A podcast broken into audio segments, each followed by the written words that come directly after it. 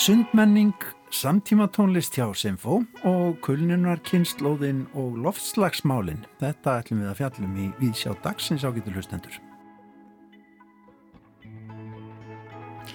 Eru okkar mikilvægustu almannagæði falin í heitavatninu? Er spurt á síningunni Sund sem opnuð var í Hönnunarsafni Íslands í byrjun februar. Síningarstjórar eru Brynildur Pálsdóttir, Hönnuður og Valdimar T.R. Hafstein, professor í þjóðfræði. Við svo leitin á síningun á opnunardaginn og rætti þar við Brynildi um það sem að snýrað hönnun sundlega en uh, það sem að Valdimar var í einangrun ákvaði við hittast síðar og ræða þá hlið síningarnar sem að snýr að þjóðfræðaransókninni en síningin er unnin í samstarfi við þjóðfræðadeild Háskóla Íslands. Við Valdimar hittumst í lögadagslauginni í morgun og rættum þróun baðmenningar á Íslandi, hugmyndur okkur um reyna líkama, rasisma, félagslegar mælistykkur og fleira og fleira. Við heyrum það samtal undir lok þáttar. Svo er það meiri samtíma tónlist sem við vorum að tala um hér í Víðsjá í gær vegna myrkra músikdaga sem að nú eru hafnir. En það er meira á segði í samtíma tónlistinni þessi dærin. Í kvöld eru forvittnilegir tónleikar hjá Symfóníu hljómsveit Íslands þar sem Daniel Bjarnason stjórnar flutningi á þremurverkum.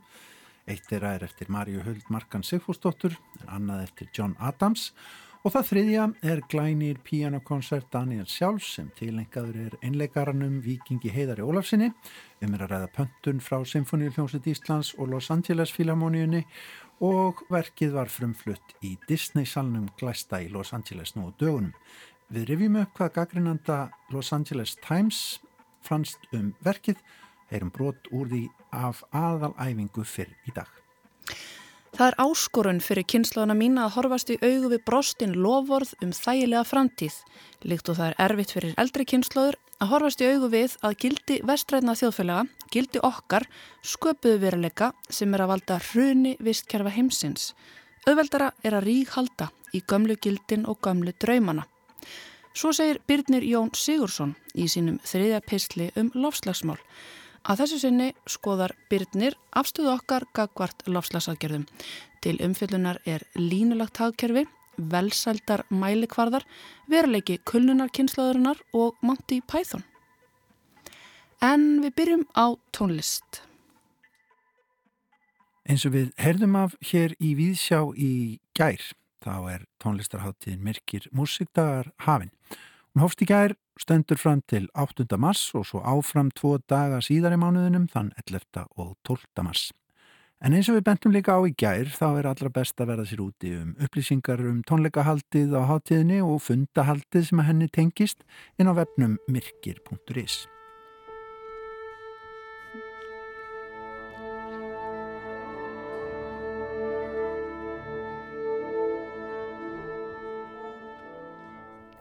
En við bendum á hér í Víðsjá að í kvöld eru líka tónleikar hjá Symfóníu hljómsveit Íslands sem að rýma ágætlega við myrka músikdaga þó svo að þeir séu ekki hluti af formlegri dagskrá hátíðarinnar.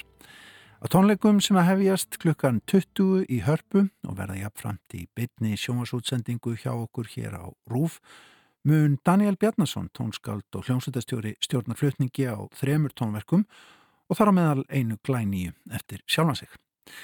Tónleikarnir hefjast á verki Maríu Huldar Markan Sigfúsdóttur sem heitir Clockworking en það er verk sem hún samti uppaflega fyrir kamerhópin Nordic Effect sem frumflutti það á Airwaves háttíðinni árið 2013. Það hefur síðan verið flutt víða um heim auk þess sem að það er titilverk samnumdrar Plötu sem að koma út frá Nordic Effect hópnum árið 2015. Heyrum hér stuttbrót úr flutningi Nordic Effect hópsins á því verki.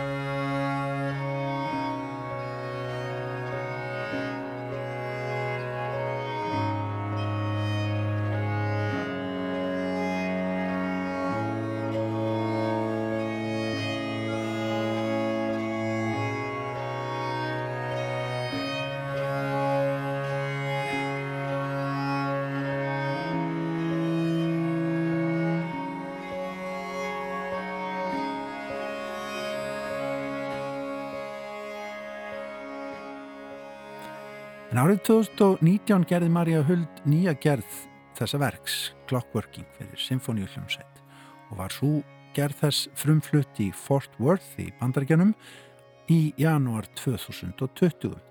Verkið er byggt á gömlum vinnusöngum bandarískra fanga en úr hendingunum mótar tónskaldið mörg lítil gangverk sem að samanmynda eina heild líkt og stór klöka. En það eru fleiri bandarískar tengingar á efniskráni hjá Sinfoníu hljómsveit Íslands í kvöld því að annað verkið á tónleikonum er eftir bandaríska tónskaldi John Adams og heitir Lollapalooza. Það er skemmtist ekki sem að John Adams samti á sínum tíma sem fertus amaliskjöf handa vini sínum, breska hljómsveitastjórunum heimsfræga Simon Rattle. Verkið er eins konar dansandi ferlíki eins og Adams kemst sjálfur að orði. En þriðja og síðasta verkið á efniskráni er líka með Ameríku tengingu þó að þar sé á ferðinni al-íslenskur pianokoncert Glænýr af nálinni. Það er á ferðinni pianokoncertin Físt eftir Daniel Bjarnason sem tónskáldið mun stjórna flutningi á og þar sem Vikingur Heiðar Ólafsson leikur einlegs hlutverkið. Verkið er samið fyrir Viking Heiðar og teglengað honum og fyrir Symfónihljómsveit Íslands og Fílharmoníusveitina í Los Angeles. En Vikingur og hljóðfærarleikararnir í þeirri sveit í Los Angeles frumfluttu verkið fyrr í mánuðinum og nú hljómar koncertin á Íslandi aðeins örfáum vikum síðar. Hér heyrum við smá brot af hljóðrutun sem gerð var á æfingu í morgun og við fáum að lefukra að heyra smáveis af.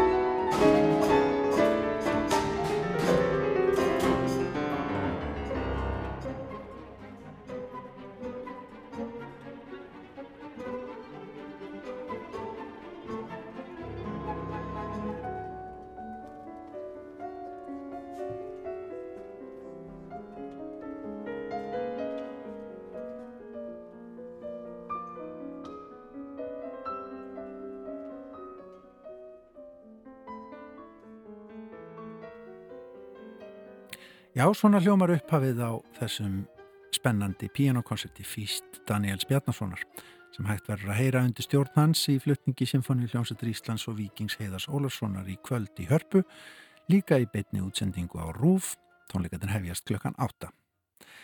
En það er kannski ekki úr vegi að skoða hvað tónlistargagrinandi Los Angeles Times hafði um nýja konsertinans Daniel Spjarnasonar að segja eftir að Los Angeles Philharmoniusveitin og Vikingur Heiðar frumfluttu hann undir stjórn Esa-Pekka Salonen, finska hljómsveitastjórans og tónskálsins í Walt Disney tónleikasalum glæsilega þarna á vestuströnd bandaríkjana núna á dögunum.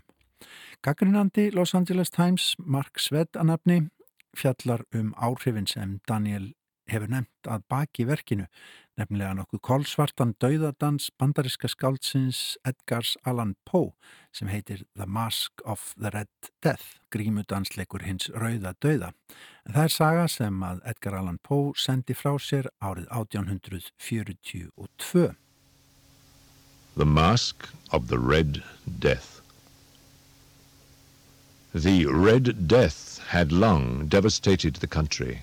No pestilence had ever been so fatal or so hideous. Blood was its avatar and its seal, the redness and horror of blood. There were sharp pains and sudden dizziness, and then profuse bleeding at the pores with dissolution. The scarlet stains upon the body, and especially upon the face of the victim, were the pest ban which shut him out from the aid and from the sympathy of his fellow men. Það segir frá prinsinum Prospero sem að læsi sig og sína inni, vil sem sagt einangra sig, til skemmtanahalds á meðan pláa geysar utan við höllu hans. Efni viðurinn passar ágætlega við samtíma okkar ekki satt. Gaggrinandin Mark Svedd segir það líka hafa smelt passað að þrátt fyrir velhæfnud viðbröð okkar Íslendinga við faraldrinum þá hafi daginn sem hann heyrði konsertin fluttan þar vestra við hér á Íslandi einhver síður átt einhverja hæstu nýgengnistölu veraldar einmitt þann daginn. Saga Pós af prinsinum passaði því yngar vel. Og gagnandin heldur áfram og talar um að skrásetning Daniels í þessu verki á faraldurs árunum sé meira nattræn en personleg í aðli sínu. Og síðan reynir gagnandin að ráða í merkinguna, talar um dansa sem að snúast upp í dauðadansa í tónvefnaðinum og loks um eins konar skrúðgöngu eða prósessjón þar sem líðurinn verðist annarkvort leitur út eða inn, út úr myrkrinum og inn í ljósið kannski. Konsertinn gengur upp og niður, einleikarinn lokkar hlustandan áfram sem er síðan nánast slegin niður eftir áhrifaríka hápunta og Vikingi Heiðari er hampað í Los Angeles Times á dögunum fyrir flutningin, ljóðræna pianistan sögð slík að hún miðli vel bæði ljósum, hliðum, verksins og hryllilegum sem að tónskaldi vilja kalla fram. Fallegur tótnin í einlegsljóðfærinu verður líka oft á tíðum eins konar táknum það að lifa af Þráttur er alvarlegt umfjöllunarefni tónverksins líðir hlustandanum alls ekki of illa yfir neinu þarna í tónverkinu. Það virðist sem sagt ljós við enda gangana sem er gott. En sem sagt fýst nýr pianokoncert Daniels Bjarnasonar frumfluttur á Íslandi á tónleikum Symfóni hljómsveitur Íslands í kvöld í Hörpu og í beitni útsendingu í sjómarpinu frá klukkan 8. Þar verða líka tónverkið Clockworking eftir Maríu Huld Markan Sigfúrsdóttur og Lollapalooza eftir John Adams. Tónleikarnir verða endurfluttir hjá okkur hér á Ráseitt í útvarpinu annan kvöld en við skulum heyra smá óm af nýja koncertunum hans Daniels hér til viðbótar. Uppdagan gerða á lokaæfingu í morgun þar sem Georg Magnússon var búin að stilla upp hljónum.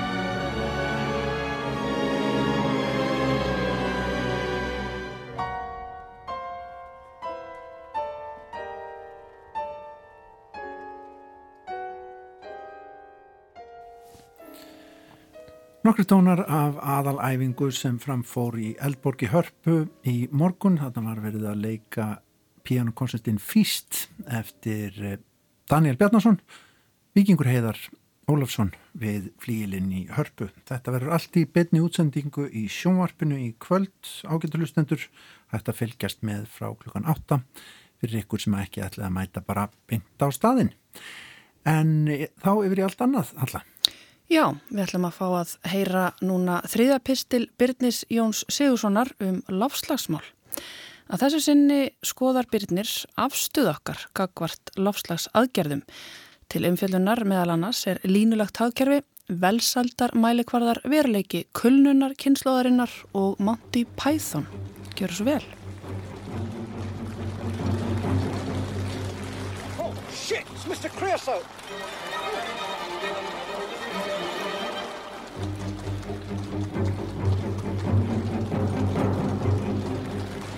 Inn á fínan veitingastæðin kjagar hinn akveiti herra Kriosót.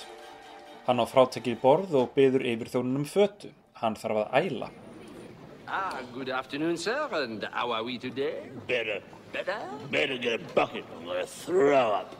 Uh, Gaston, a bucket for monsieur. Hlaupadrengur kemur með fötu og herra Kriosót hefst handa við að kasta upp. Yfir þjónin afsakar þjónustu staðarins í bak og fyrir á meðan herra Kriosót, ælir og ælir. Gestir staðarins fytu upp á nefið en segja ekkert, passa upp á mannasiðina. Merci, Gaston. I haven't finished. Oh, pardon, Gaston. A thousand pardons, monsieur. Uh, now, this afternoon we have monsieur's favorite, the jugged hare. The hare is very high and the sauce is very rich. With Yfir þjónin útskýrir stóran og glæsilegan matsiðilinn í miklum smáadriðum. I'll have the lot, svarar herra Kriosót. A wise choice, svarar þjónin og kallar á restitækni sem hreinsar óþryfnaðinn á sama tíma og herra Kriosót gubbar yfir bakhennar þar sem hún krýpur á gólfinu. Is there something wrong with the food? No, the food was excellent. Perhaps you're not happy with the service? No, no, no complaints. It's just that we have to go. I'm having rather a heavy period. And we have a train to catch. Oh, yes, yes, of course, we have a train to catch, and I don't want to start bleeding all over the seats. Eftir öll herlaugheitin eru diskar, flöskur og gubb út um allt. Yfir þjónin færir herra Kriosót síðasta réttin, ör þunna súkulaði myndu, sem reynist kornið sem fyllir mælin. Herra Kriosót springur.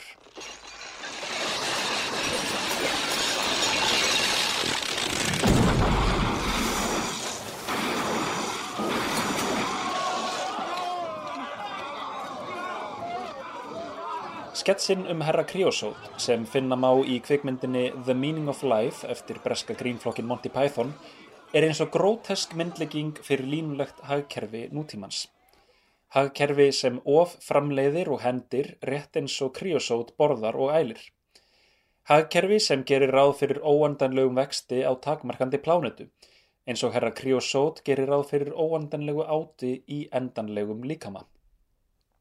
Gestir staðarins eru almenningur og stjórnvöld eru eins og yfirþjónin sem gætir sín að hafa kurteysi í hávegum á meðan hann þjónar herranum í stað þess að rekan á dyr. Hvenar fær samfélag dagsins í dag þessa síðustu súkulaði myndu sem sprengir okkur? Herra Kriosót hefði ekki nægt að fara í tímabundið átak heldur þurfti hann á heildar endurskoðun og lífstílsbreytingum að halda. Á sama hátt er ekki nóg að aðlaga heið línulega hagkerfi nútímans að loftslagsbreytingum, það dugir ekkert minna en gangger, endurskoðun og umbylting. Í loftslagsskýrslum, meðal annars loftslagsaðgerðar áallun Íslands, eru yfirleitt nokkrar sviðismyndir byrtar. Hvað gerist ef þetta er gert, hvað gerist ef svona er bröðist við og svo framvegis. Þessar sviðismyndir eru bornar saman við ákveðna grunn sviðismynd, sem ber á ennsku hefði gegnsæja heiti business as usual, vanabundin viðskipti. Mér finnst snildin í þessu hugtaki, business as usual, vera hverstagsleikin. Lífið gengur sinn vana gang, hjól atvinnulífsins snúast sinn vana snúning. Business as usual sviðsmyndirnar eru þó allt annað en hverstagslegar því þær leiða mannkinnið inn í algjörlega nýjan veruleik loftslags hamfara og neikvæða keðjuverkun hlínunar. Snildin í hugtækinu er hvernig stöðuleiki í viðskiptaháttum veldur óstöðuleika í tilveru alls lífs á jörðinni. Hamfara hlínun orsakast þannig af hverstegi sem bundin er í vana. Ég hef lengi veltið fyrir mér hvers vegna staðrindin um loftslagsbreytingar af mannavöldum var og er enn að einhverju leiti svona merkilega umdeilt. Vísindin gætu ekki verið skýrari og eru þar að auki auðskiljanleg. Við veitum að gróðurhúsa lofttegundir fanga hita í andrumsloftinu og við veitum hverjar þessar lofttegundir eru. Ég held að einn helsta anstaðan við rótækar loftslagsaðgerðir sé ekki skilningsleysi á vísindunum heldur óttin við afleðingar þeirra. Óttin við afturfarir. Almennt viðhorf gagvart loftslagsaðgerðum er að þar krefjist fórna á nútímaþægindum og lífstíl. Fórnir. Þannig eru loftslagsaðgerðir málaðar upp. Fórnir á ábyrð einstaklingsins eins og ég rætti í síðasta pisli. Hættu að fljúa, hættu að borða kjöt, hættu að keira, hættu að kaupa dót. Þegar það er orðað svona þá hljómar það vissulega ekki eins og lífskeiða framfærir. Miklu frekar hljómar það eins og innilokað einsetulíf á mærunarkúr. Þar að auki er árangur loftslags aðgerða bundin við að allir stýi í takt og við trúum því einfallega ekki að allir gerist einsetumenn í megrun. Sérstaklega þegar auglýsingar halda áfram að dæla út myndum af neytendum sem hafa tryggt sér enn meiri þægindi. Við óttumst að missa af kökunni á meðan aðrir geta hana. En hvað græðum við á grænum umskiptum? Ég held að enginn haldi því fram að við lifum fullkomnu lífi í dag. Í veruleika Íslands er kvíði á skarpri uppleið, þunglindi er landlægt, einmannalegi ekst, íbúðir eru ekki lengur heimili heldur fjárfestingar, þriðji hver einstaklingur glýmur við kulnun og morgunteppan nær frá Mosó niður á grensásveg. Út fyrir Ísland er flótumannakrísa, orkukrísa og stríð í Úkrænu. Polarisering og ójöfnuður aukast, biljónamæringar heimsins stjórna dífum á hlutabrefamörkuðum með tvítum einum saman, meira að segja nazisminn er á uppleið og jú, loftslagsbreytingar í henni miklu hröðun mannaldar ógna loftslægi og sjálfu lífríki jarðarinnar. Hvers virði er stöðuleikin ef stöðuleikin sökkar? Höfum við ekki trú á að betri veruleiki sé mögulegur? Það er kannski ósangjart að velja eins og blandi póka það sem amarað nútíma samfélagi og smetla því svona í eina málskrein án þess að telja upp jákvæð aðriði því til höfuðs, en skilabóðin eru þessi. Annar veruleiki er mögulegur og ákjósanlegur. Við erum ekki komin að endastöð framfara og nú er bara að lifa lífin eins og vanalega, business as usual. Það þarf að tækla vandamál og ráðast í umbætur og sleppa tökunum á úreltum gildum. Það þarf stefnubreitingu, græn umskipti. Loftslagsaðgerðir krefjast ekki fórna heldur uh, veita okkur tækifari til að skera niður lífstílsjúkdóma, þunglindi, kvíða, óöryggi, misskipningu, fordóma, kvennfyrirlitningu og mengun og auka í staðin lífskeiði. Hætta að tróða í okkur og fara í heildar áttak áður en við springum. Another bucket for monsieur. And perhaps a hose. Á alþjóðavísu er rætt um að skipta mælikvarða vergrar landsframleiðslu og hagvakstar út fyrir aðra velsældar kvarða. Ástæða þess er að verg landsframleiðsla er góður mælikvarði til að mæla út þenslu eða samdrátt á hagkerfi en segir okkur ekkert um aðra vísa lífskeiða eða hvernig slíkri útþenslu var náð. Meiri framleiðsla, neysla og herri meðalaun eru tekinn til greina en ekki til að mynda misskipting auðs, hamingja eða hilsa, ofbeldi eða einmannalegi. Auk þess mælir verg landsframleysla ekki umhverfis áhrif sem hefur bein áhrif á líf framtíðar og núlífandi kynsluða, tekur með öðrum orðum ekki skuldir umhverfis áhrifa með í reikningin. Verg, landsframleysla og hagvöxtur eru góðir kvarðar til að mæla veraldlegt ríkidæmi þjóðar en skortir margt annað. Hvort er markmið þjóða að verða ríkar eða sjálfbarar og hamingjusamar? Bútan byrjaði að nýta velsaldarkvarða árið 2008 og Nýja Sjáland 2019. Markmið svokallara velsaldarfjárlega Nýja Sjálands er að nota samfélags- og umhverfisvísa í bland við fjárhagslega og hagræna mælikvarða til að grundvalla fjárfestingar og styrtar ákvarðanir ríkistjórnarinnar. Eftirfarandi er svo úr loftslagsaðgerða áallun Íslands. Hérlandi hefur staðið yfir viðamikil vinna við þróun velsældarmælikvarða í stað hefðbundina mælikvarða um verga landsframleyslu og hagvokst. Nýju mælikvarðarnir ganga út á hagsæld og lífsskæði og þar er tekið tillit bæði til félagslegra þátta og umhverfis þátta. Markmiðið er að hverfa frá því að einblýna eingöngu á hagvokst, óháð því hvernig hann er tilkominn og hanna þannig grunn að sjálfbæru hagkerfi.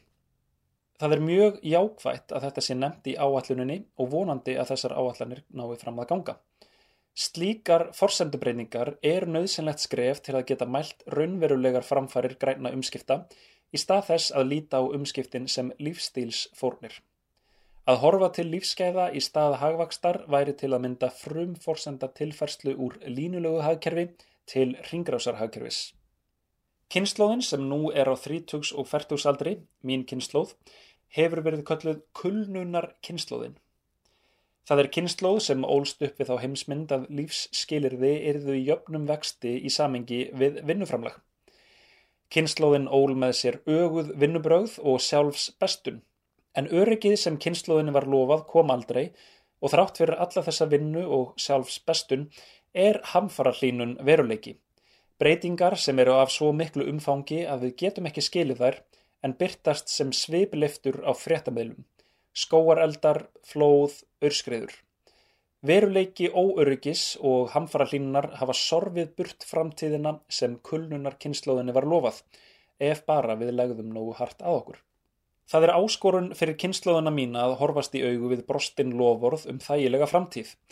Líkt og það er erfitt fyrir eldri kynnslóðir að horfast í augu við að gildi vestræna þjóðfélaga, gildi okkar, sköpuðu veruleika sem er að valda hruni vistkerfa heimsins. Auðveldara er að rík halda í gömlu gildin og gömlu draumana. Stefnubreitingin sem samfélagi þarf að framkvæma er að brjótast úr hlekkjum gamalla hugmynda og hanna nýjan betri veruleika. Við heldum að við værum á uppleið í stöðugri framför en það komi ljós að við stemdum til kulnunar og hamfara hlínunar. Nú er að horfast í aug við það í stað þess að líta undan. Hvort erum við hrættari við? loftslagsbreytingar eða aðgerðir til að sporna við loftslagsbreytingum. Það er erfitt að para kerfi nútímans við loftslagshamfarir.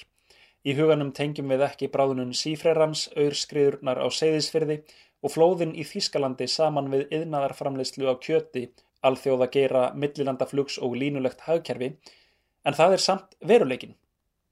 Í nýleiri grein talar Henry Alexander Henrysson um að siðferðisleg hegðun okkar kalli á innbeitta sjálfskagrinni á langanir okkar og þrár. Við óttumst hvað þessi sjálfskagrinni kann að leiða í ljós og hvers hún krefst. Mistökin eru að þegar við gjóum augunum í speilin sjáum við píslarvott en ekki brautriðanda. Of algeng orðræða er að kalla framfarir í grænum umskiptum fórn. Viðskipti sem valda óstöðuleika í vistkerfum jarðar stöðuleika Vöxt sem vænkar ekki endilega hag okkar hagvöxt. Hið sanna er að business as usual viðheldur veruleika kulnunar kynnslóðarinnar og lofar enn verri framtíð. Hvenar látum við ofan í okkur þessa síðustu súkulaði myndu sem sprengir okkur? Okkar er valið að halda áfram að tróða í okkur eins og herra Kriosót eða þakka fyrir matinn, fara í átak og breyta algjörlega um lífstíl. Það er ekki fór, heldur framfarir. Finally, monsieur, a wafer thin mint. Nah. Oh, sir, it's only a tiny little thin one. Now, fuck off, I'm full. Oh, sir. Hmm? It's only a wafer thin. Look, I couldn't eat another thing. I'm absolutely stuffed. Bugger all. Oh, just, just one. Oh, just one. Just the one,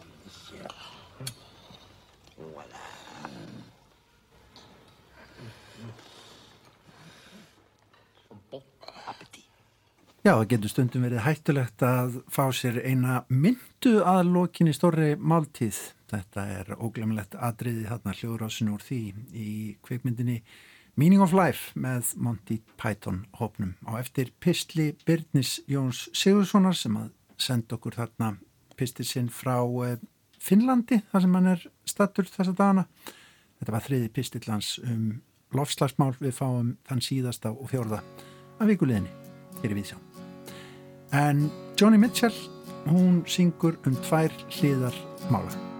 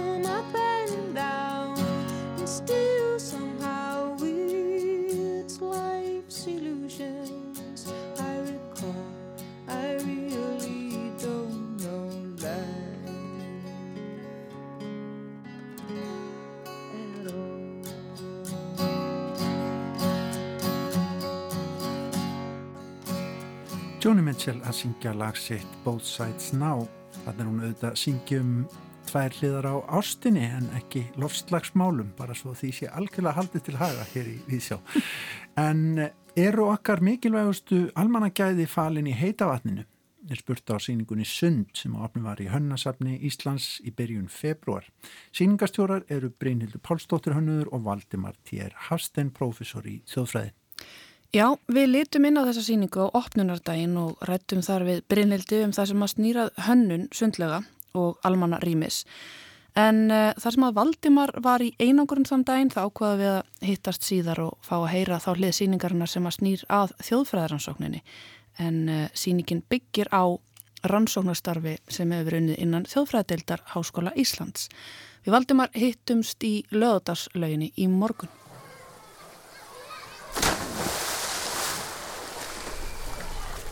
Já, við erum komin í sund, sett hérna með honum Valdimar á mjög notalegum stað. Þetta er hérna gamli ingangurinn í lögadalslaugina. Hér er fyrir hugað að já, svona bæta þetta almenningsrými og, og gera þetta aðstöðu fyrir hvert sem er. Hægt að fá sér kaffi hérna og hér er fólk að þurka á sér hárið og bera á sér krem og þessar ímsu aðtapnir fara hér fram og um, takk fyrir að hitta mig hérna. Takk fyrir Halla, gaman að hitta þig. Þetta er nú ansi sögu frægur staður og kemur við sögu auðvitað á síningun ykkar sem er alveg stórkostleg og við höfum fjallað um áður í Vísjá. Þá kannski fórum við aðeins á dýftina með þann þátt sem að snýrað hönnun en mér langaði svo að forvitnast meira um þessar þjóðfræðaransóknir og, og svona sem að síningin byggir auðvitað að stórum hluta á. Kannski svona alltaf að byrja með uh, þessi staður hér, er þetta ekki Hér í nágrunnu var stift fyrsta laugin, hérðan var heitavatninu veitt fyrst til okkar Íslandinga. Saga heitapottarins kemur við sögu líka hérna á þessu svæði ekki satt. Er þetta ekki stórmerkilegu staður sem við sittum inn á? Þetta eru auðvitað magnaða staður og, og, og það er rétt að fyrsta stifta laugin 1908 er hérna í, í lauganisinu, hinum eða við sundlaugavegin og en þá hafði áður verið eins og var víðast um land á þessum tíma þar sem var að byggja sundlöfarna torfhlaðin og grjóthlaðin laug, þar að segja drullupollur sem að uh, börnin lærðu í og fólk syndi í og, hérna, og byggði á því að hér voru þóttalöfarnar hér var reykur eins Reykjavík heitir eftir og, og hérna heita var sösprettunar og, og, og svo var, uh, voru þóttalöfarnar eða frárennslið, skólpið og þóttalögunum að segja var, var hérna stíplað upp í, í sundlög þannig að börn og fullorni syndu hér í, í bara sápu og hérna óhreinindum gerdagsins sem kom úr fötum borgarbúa og uh, kom upp úr drullura heldur en að fara ofan í það var líka leiru úr botnin og, og voru mórið á litin þegar það kom upp úr og til að byrja með og, en svo gerist það að, að, að hérna bæjastjórn samþykir að, að steipa upp lauga á svona stað og samþykja það 1903 eftir uh, áskorun frá Ingibjörgu Brandstóttur og fleira fólks. Engibjörg þá nýkomin heim úr námi í, Danmörku, fyrsta konan sem læri til íþróttakennar og sundkennara sérstaklega líka.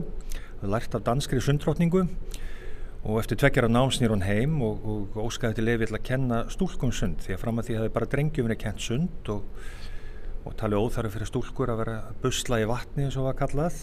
Þó fengju að gera það utan kennslutíma. En þetta var samþygt og, og uh, hérna og svo er það samþygt við tengslu við 8. lögarinn að 1908 að veita styrk til kennslu á sundi fyrir stúlkur til jafnsveit drengi og það er fyrsti fyrsta konan í borgarstjórn, Bríðet Bjartheiðsdóttir sem fær það í gegn, en það er Ingebjörg voru saman með stofffélag Kvenréttindafélagsins árið áður mm -hmm. og, og verður svo til þessi lög sem að hérna eldri reykvikingar muna vel eftir sem að núverðandi lögutaslög tók við af 1968 síðan mm -hmm. Hér lærðu kynsluður reykvikinga að synda mm -hmm. Hér heyrum við í hálfþörkunni hérna eins og kemur uh, fram á þessar síningu, skemmtilegu síningu þá er það í rauninni kannski þrjú atriði sem að drífa þessa sundmenningu í gang. Þú nefnir hérna sundkennslu sem var auðvitað eitt atrið, það var mikilvægt að kenna Íslandingum að synda því að við kunnum ekki synda en svo er það mitt um, hreinleitið sem þú hefur komið hérna inn á og þessi hugmyndum um uh, já, þrótt mikinn líkamæðurinninni Já, þetta eru allt allt hugmyndi sem er að berast hingað á þessum tíma í kringum aldamótin og, og, og, og þetta tengjast líka bara mjög stórri samfélagsbreytingu sem er að verða hér á þeim tíma þegar fólk er í fyrsta sinn sikkur og með aldamótin 1900 að setjast að í sjávarþorpum og gera fiskveður að lífsviðuværi sínum. Fyrsta sinn í Íslandsugunni sem það mátti og sem fólk fór að gera það og fer út að róa í stórun stíli til fiski og það er um 0,5% þjóðarinnar sem er synd á þessum tíma. Náttúrulega brjálaði þegar fólk býr á eigu en uh, menn druknuði í stórun stíl og ég held að allar fjölskyldur eigi svoleiði sögu. Og það er sannlega til í minni að langa langa við fór niður ásand tveimur eldstu sónum sínum í bara sjónmáli frá strandina þessum konunas og yngri börn stóðum og uh, þetta verður stórt þjóðfélagslegt verkefni að kenna Íslendingum að synda en nú um leið og sama tíma er að koma annars konar hugmyndir um, um líkamann hérna inn og bæði íþróttarhefingin er að nema land með ungminnafélagunum og hugmyndir um þrótt mikinn líkama uh, reyðast til rúms og, og það er mikið rætt um það að Íslendingar gangi álútur og hoknir og, og hérna það þurfa að rétta úr íslenska líkamannum og gera menn sterka og, og þetta byrtist okkur í einsum íþróttum í sundi, fimmleikum og glímu sem allar komin á sama tíma en svo er þetta stóra verkefni, það er nýtt samband við líkamann sem byrtist okkur í hugmyndum um, um hreinlæti. Að fram að þessu þótti það beinleins hættulegt að vera að vatn kæmu á allan líkamann. Og einn forðuðist það í lengstu lög og, og það gengur sögur í, í, í sveitum af, af presti Norðaland sem að laugaði andlit sitt á hverjum degi upp á vatni og þótti mjög mikið aðhláttus efni, spjátrungur og hérna en nýjar hugmyndur og hreinlættir þess til Róms hérna og í rauninni verða sundlögurna til um leið og verða íþróttalögar og kennslögar verða til sem almenningsböð. Því það er engin baðtæki til og heimilum á þessum tíma og, uh, og sundluðarna verða þessi fyrstu stóra almenningsböð og eiga þátt í að reynsa Íslendinga, reynsa þjóða líkamann eins og þetta var að kalla þá. Og, uh, og það var mikil áhersla lögð á þetta og, og mikil lagt upp úr spjærhæslu útlendinga, útlendingur þætti Íslendingar daldi viðbjóðslegir því að þeir líktuð ítla, voru óreinir og kynni ekki að þrýfa sig og þetta var mikið nexlunar hella fyrir útlendingar sem kæmi ynga, það var ekki einföldustu baðtæki og íslenskum gisteheimilum sem ættu öðru að venjast þetta goða fólk. Og við búum að þessari arlef, þessari, þessari áherslu á hreinlætið ennþá sem við þekkjum að þau fyrir mig sund, þessi mikla áherslu á að þrýfa okkur sundfata laus, allsber með sápu og allar réttu staðina. Þetta er bara áhersla sem er gegnum gangandi gegnum hundrað ár og tengir sundlónu sem almenningsböðum. Og núna er áhugavert að þetta hefur snúist algjörlega við að núna er það Íslendingur sem þykja hérna útlendingarnir óhreinur og ógeðslegir að þrýfa sér ekki almenna láður en fara ofin í laugina. Mm -hmm. og sem svona önnur afleðinga því þá höfum við kannski má segja nú ef við einhver sérstakar mælingar á þessu en, en ég held að það þekkja þetta mjög margir af því að sjá upplifa það hvað útlendingum þykir mörgum hverjum og mísand þetta hvaðan það koma og einhver leiti einstaklingsmundi en þykir mjög mörgum hverju mjög óþægilegt að fara í almenningsstyrtunar í sundlöfunum hérna af því þau hafa bara ekki vanist í mm -hmm. og við áttum okkur ekki á hvað, hvað hvað við hugsun lítið út í þetta og hvað þetta er okkur tamt eftir að valist upp í þessu fyrir við sjáum aðra sem að þykja þetta óþægilegt og hérna þannig að aflegginga þessu er kannski líka svo að, að, við erum vönd því við öllumst uppið það frá blötu basbein að sjá alls konar líkama. Öllum stærðum og gerðum með eftir ímsa uppskurði og, og svo framvegis og þetta er allt bara eðlilegt og fallegt og sjálfsagt kannski fyrst og fremst bara sjálfsagt. Og uh, hérna og það held ég að, að ítu undir dálti heilbreytt samband við líkamann. Mm -hmm. og kannski heilbreytt samband við uh, já, aðra líkama og annað fólk, ekki bara okkar líkama. Við erum hérna að tala um þrjá þætti sem eru að, aðlega kannski praktískir þetta með hreinleitið og kennasund og, og hérna, heilbreyðan líkama heilbreyðir sár en uh, kannski við sjáum líka bara út frá þessari sögu hvað sundlaugarnar og sundmenning er kannski mikilvæg líka bara félagslega. Já, algjörlega og ég held að við áttum okkur ekki alltaf á því en, en sundlaugarnar eru ótrúlega, ótrúlega ríkan þátt í daglegu lífi og, og, menningu á Íslandi. Auðvitað mísjaflega, fyrir sumt fólk er þetta algjörlega hluta daglir rútinu, aðrir fara mun sjálfnar, sumir aldrei. En öll höfum við samt alveg stuffið þetta og, hérna og það er eitt af því sem að, að rannsóknar okkar hafa virkilega dreyið fram er hvað sundlugarnar gegna mikilvægur hlutverki í félagsleiri þáttöku, ég skapa samfélag og tryggja þáttöku fólks í þessu samfélagi og, og við sjáum þetta öll á, á, á, á því hverjir er í sundi á þeim tíma sem að, sem að vinnandi fólk er að vinna. Að það eru skólabötnu, þetta er skólasundi en svo er það eldri borgarar sem eru farnir á eftirlaun. Þetta er líkillina samfélagsþáttöku fyrir mjög marga þeirra. Og, og sundlugan almennt gegna mjög miklu hlutverki í að sko á hverju stað fyrir sig í þorpum og bæjum og hverfum í því að, að nágrannar og ókunni eru umgangist og við þekkjum það, við erum ekki með miðjararhástorkin hérna á Íslandi þar sem að fólk umgengst í daglegu lífi og í afslappuðu umhverfi heldur og bara aðstæður hér bjóðu ekki upp á það hvorki viðu farin í infrastruktúr en, en sundlugarnar hafa orðið þessi staður og það er alltaf áhugaverð breyting sem gerist um miðjöldina við erum margar opnun vestubæjalögar þáttaskil þar með stóru útisvæði með fyrstu heitu pottónum og með þessari barnalög að þetta verður þessi félagslegi samkominnstaður sem fólk fer í solpa þar sem að fólk uh, fer í pottin og, og pottarnir fyrstu eru þannig hannaðir að fólk er í mjög nánu samneitt og horfið hvert fram enn í annað og þetta verður þessi samtalsvettvangu líka fyrir marga. Og, uh, og það er sagt að borginn sé staður sem ókunni er rekast hver á annan og í Reykjavík eru, eru sundlugarnar sá staður sem ókunnir hittast, verja tíma saman, verð ekkit endilega málkunnir en það skiptur ekki öllu máli heldur bara fólk umgangist í daglegu lífi með þessum hætti. Mm. og verja tíma á sama stað og, og út um all landir sama sagan líka á smerri stöðum. Ókunnir og líkkunnir og málkunnir og velkunnir hittast þarna. Og það verður um leið svona verða sundlugarnar og heitupotnarnir mælikер á félagslega þáttöku Þannig að uh, við sjáum það í umræðan til dæmis um aðgengi fallar á sundlögunum og er, er mikilvægt mælikera á þáttöku þeirri samfélagi og aðgengið þeirra samfélagin er aðgengið að sundlögunum.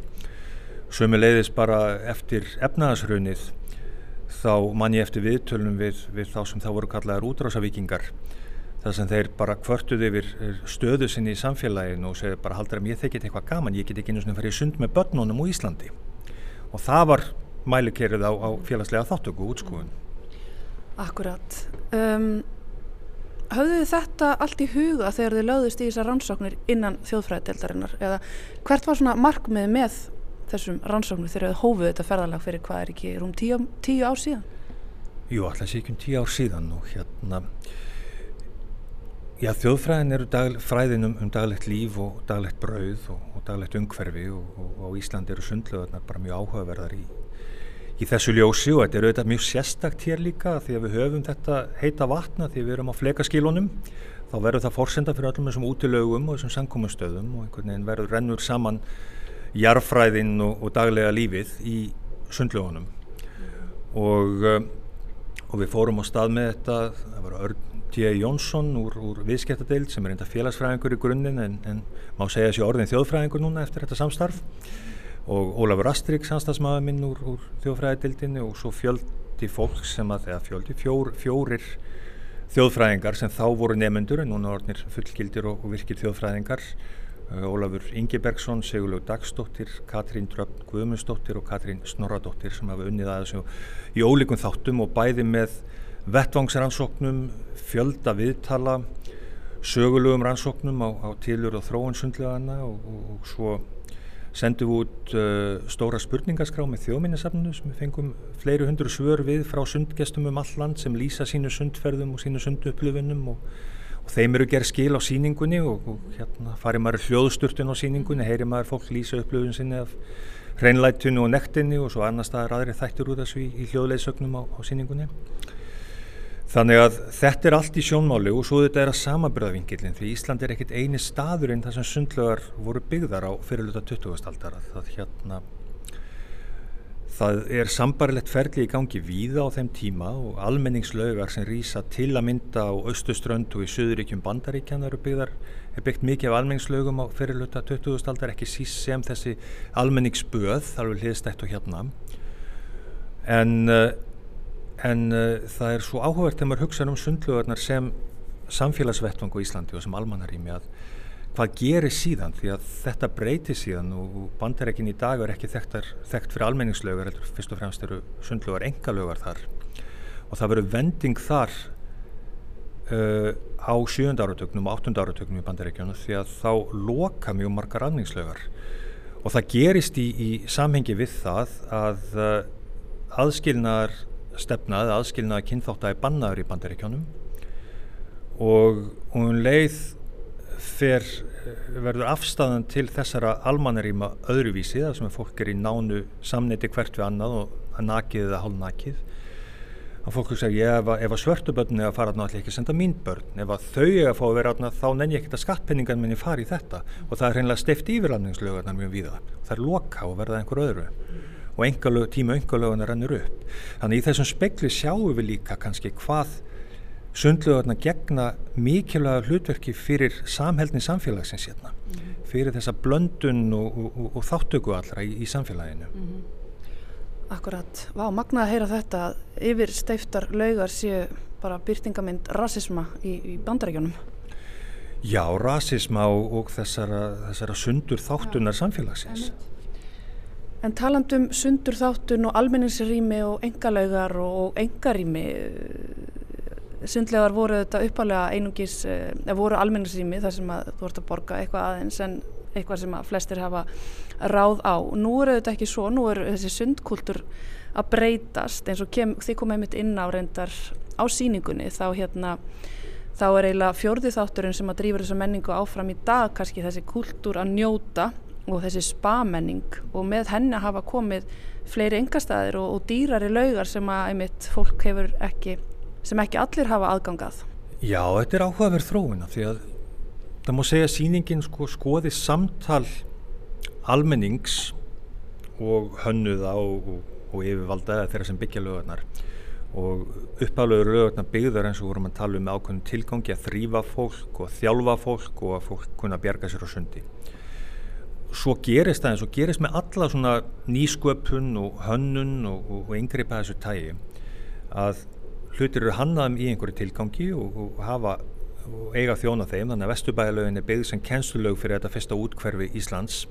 En hún gegnur auðvitað því þetta er ekki áfram og þetta er áfram almenningsböð en mjög fljótlega yfirtekur almenningur svo lög og nota all annar að nota sem einhvern dætt í hug þegar þetta var byggt. Þannig að það verður að samfélagsrými það verður að leikrými fólk kemur að leika og vera saman og, og hérna. Og arkitektarnir auðvitað og hannuðinni sjá þetta og næstu lögur, hugsaum árbæðalaug er byggð með tillit til þess hvernig fólk er að nota lögina. Mm. og verður þetta leik og stóra leik og, og samfélagsrými sem árbæðalaugin er. Og þannig er ákveðið samtalarna fram og tilbaka og svo það sem við erum að sjá núna er þessi stór aukna áhersla á svona unað og líkamlega nöytn í lögunum. Og þar sjáum við líka þetta samtal á milli þess að hún nefnir þessara hérna nýju baðlóna sem eru auðvitað uh, engalón og engaframtak þar sem fyrirtæki byggja og selja inn auðvitað á allt öru verði heldur en við borgum honni laugarnar og, og, og er að höfða til viðskiptavinna, þetta er markasett fyrir viðskiptavinna baðlónuna, það er engi viðskiptavinnir í sundlögunum hingað, hingað leita bara sundgestir. Þetta er almannar í einhverjum allt öðrum skilningi. Þetta er, þetta er ekki eins og kringlan heldur er þetta staður þar sem fólk kemur bara sem, sem bara Íslendingar sem samfélagsteknir, eitthvað sem við eigum saman og njótum saman. En, en, en baðlónin leggja áherslu á, á, á, á auðvitað, þau eru mjög hönnuð rými, þetta eru náttúrulega yfirleitt ekki náttúrulega rými, þetta eru, eru steift og tilbúin rými en með mikið af hraunni og annari hönnun sem að minna á hvaðan vatnið kemur sem er þarna, sem við höfum ekki lagt sömu aðslá í arkitektur lögana, þó að þessi sama vatnið þau uppstöðum til.